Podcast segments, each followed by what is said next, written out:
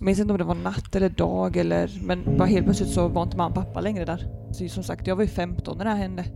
Och man tyckte redan att det var som sagt sjukt att vi skulle bli fyra syskon. Och sen helt plötsligt så hade vi inget syskon eller föräldrar. Eller när vi vaknade upp eller liksom kom ner så bara jaha, och, och vad händer nu då? Vad är nästa, vad är nästa steg? Eller liksom, ska ni vara borta länge? Ska ni, ska jag packa en väska?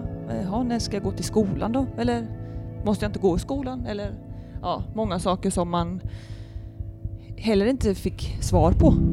Vad jag minns det. Jag minns att jag bara kände mig väldigt förvirrad, för ingen hade svar. Och det fanns Nej, inte så, så liksom, jag vet inte ovisst. vem man skulle fråga. Det gick så otroligt snabbt där. Eh, sen så var man installerad på Ronald McDonald. Eh, och den stressen. Eh, och fortfarande oviss då med, med Hedda och sådär ju med. Det var väldigt snabbt liksom. Fick aldrig något egentligen vad som skulle hända och sådär. Så det var...